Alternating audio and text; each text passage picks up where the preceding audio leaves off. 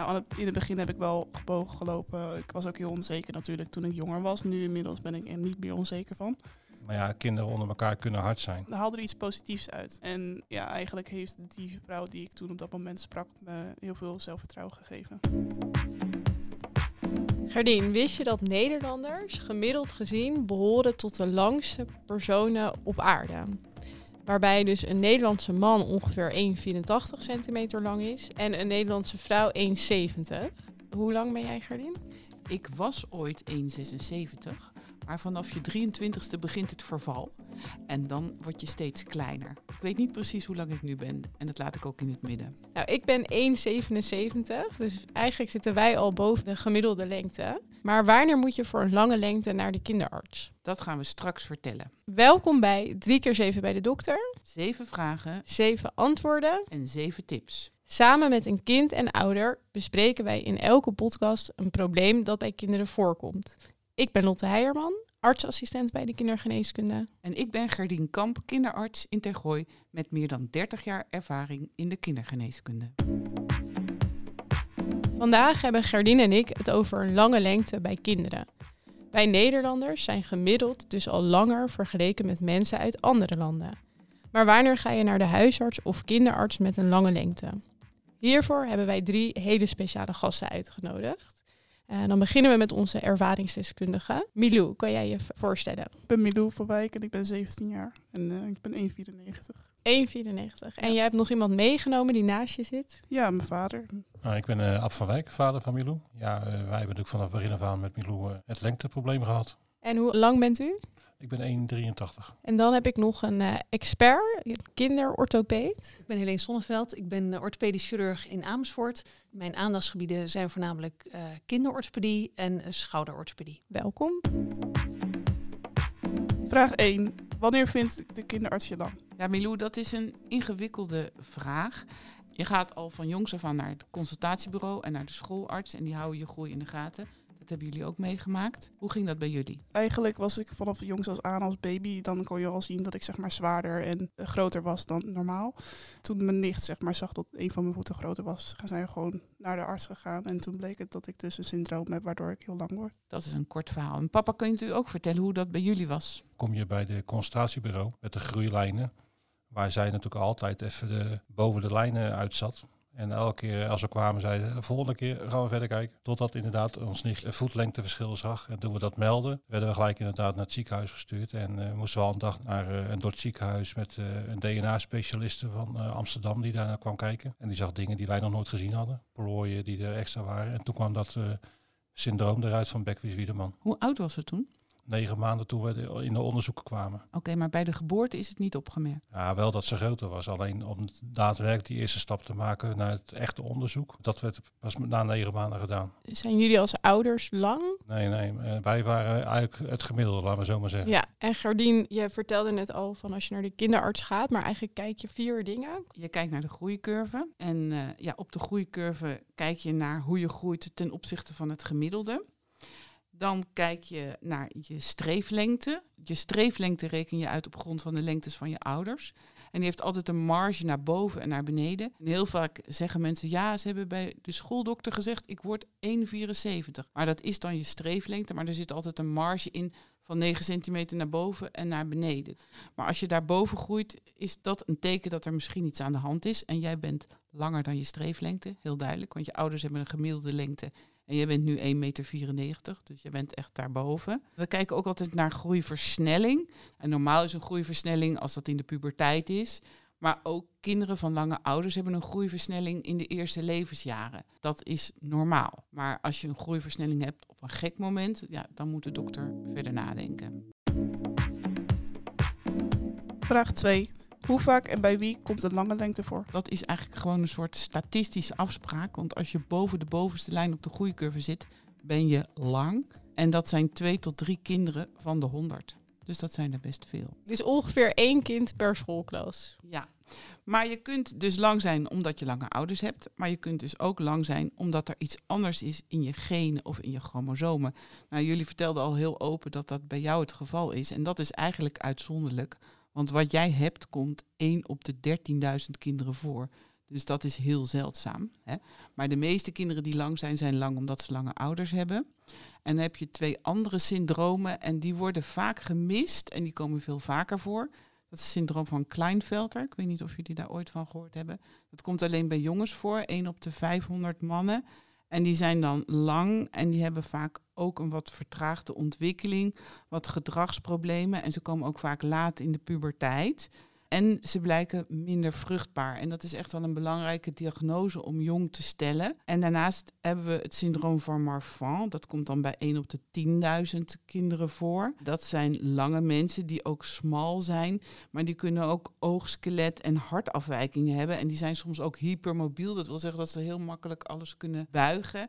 En die kunnen ook oogproblemen hebben. En ook dat is belangrijk om die diagnose niet te missen. Dus als wij lange mensen zien dan kijken we altijd hoe lang de ouders zijn, maar we kijken ook of er andere kenmerken zijn van bijvoorbeeld een bepaald syndroom, omdat het belangrijk is. Nou, daar weten jullie alles van. Eigenlijk zeg je hè, twee syndromen, maar van Kleinvelter. Maar dit is een ander syndroom, dus er zijn dus ook meer syndromen. Kan je daar iets over vertellen? Ja, er zijn meer syndromen en de meeste syndromen die gepaard gaan met lange lengte gaan ook met een ontwikkelingsachterstand samen. Nou, dat is bij jou helemaal niet het geval.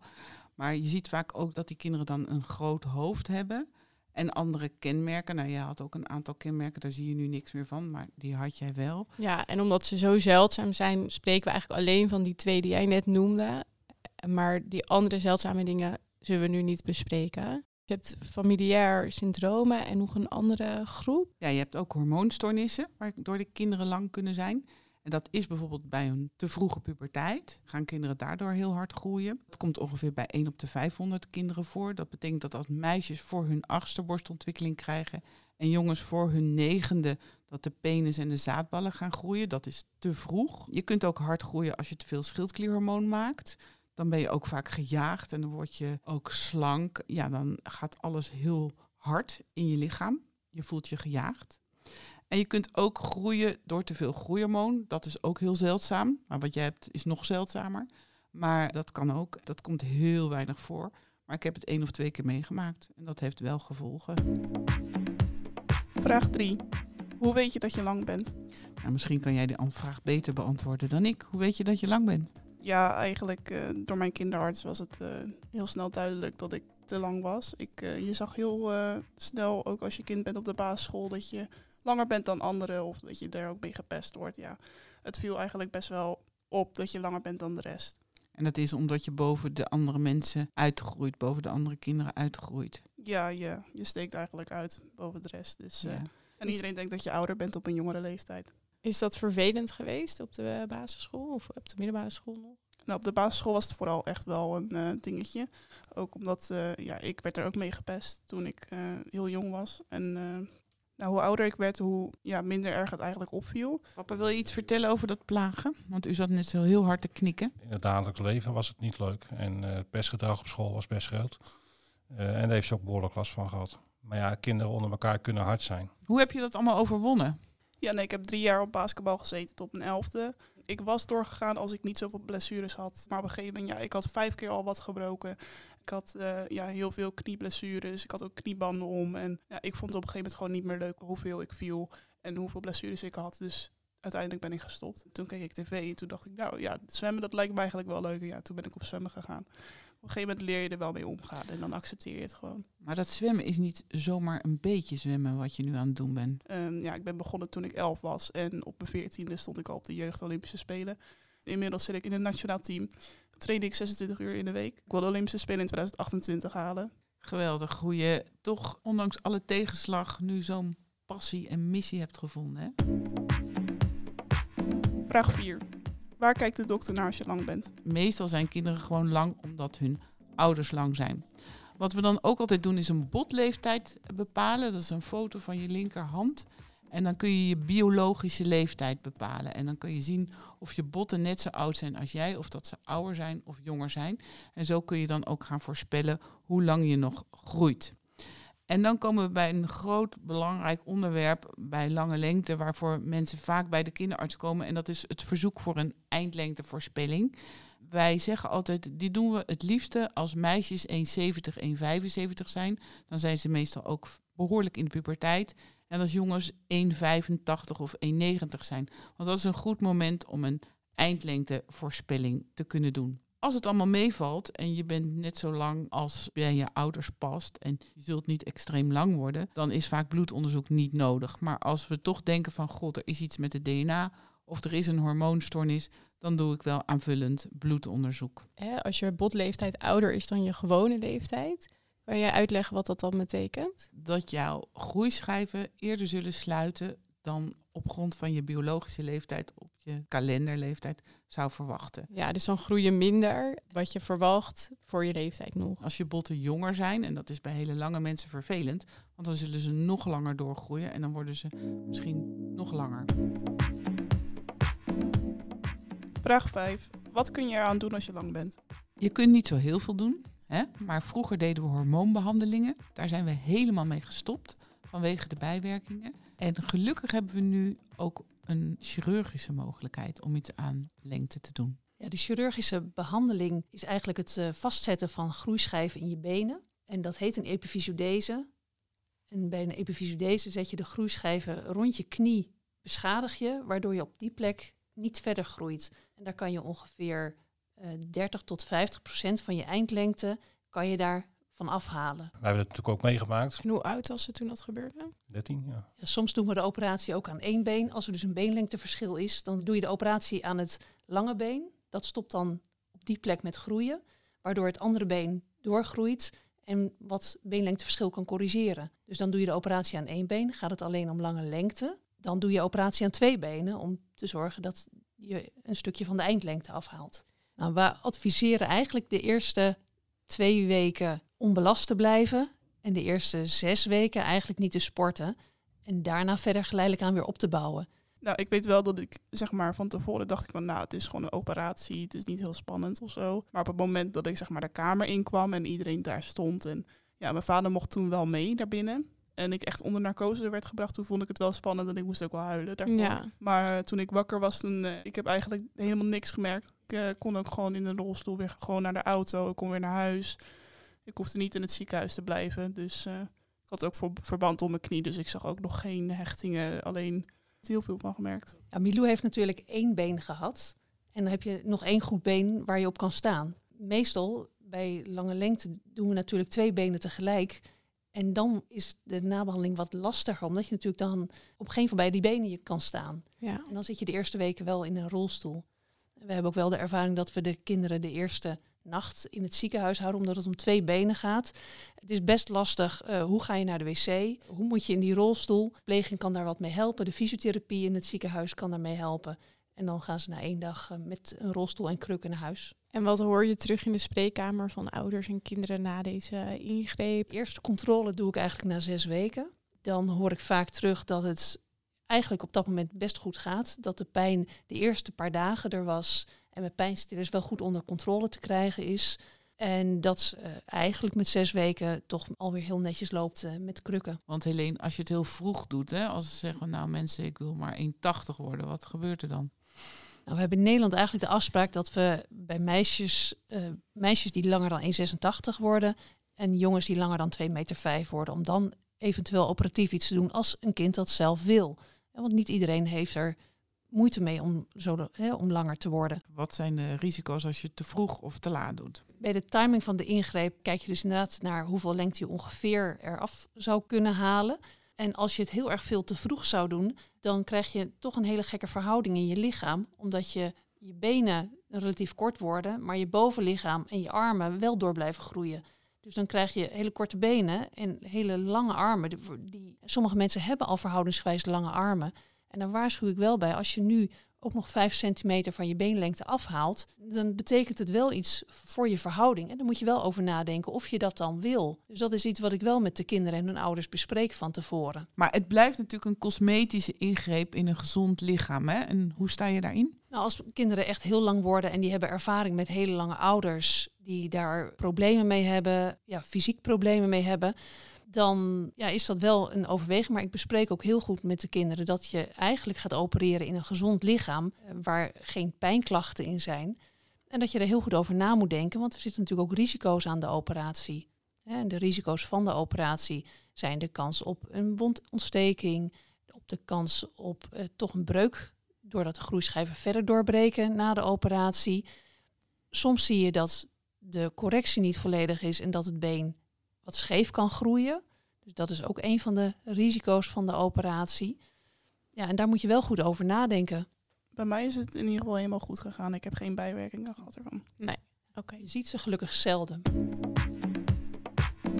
Vraag 6. Wat kun je nog meer verwachten? Nou ja, je hebt het eigenlijk al heel mooi zelf verteld. Een lange lengte heeft veel voordelen.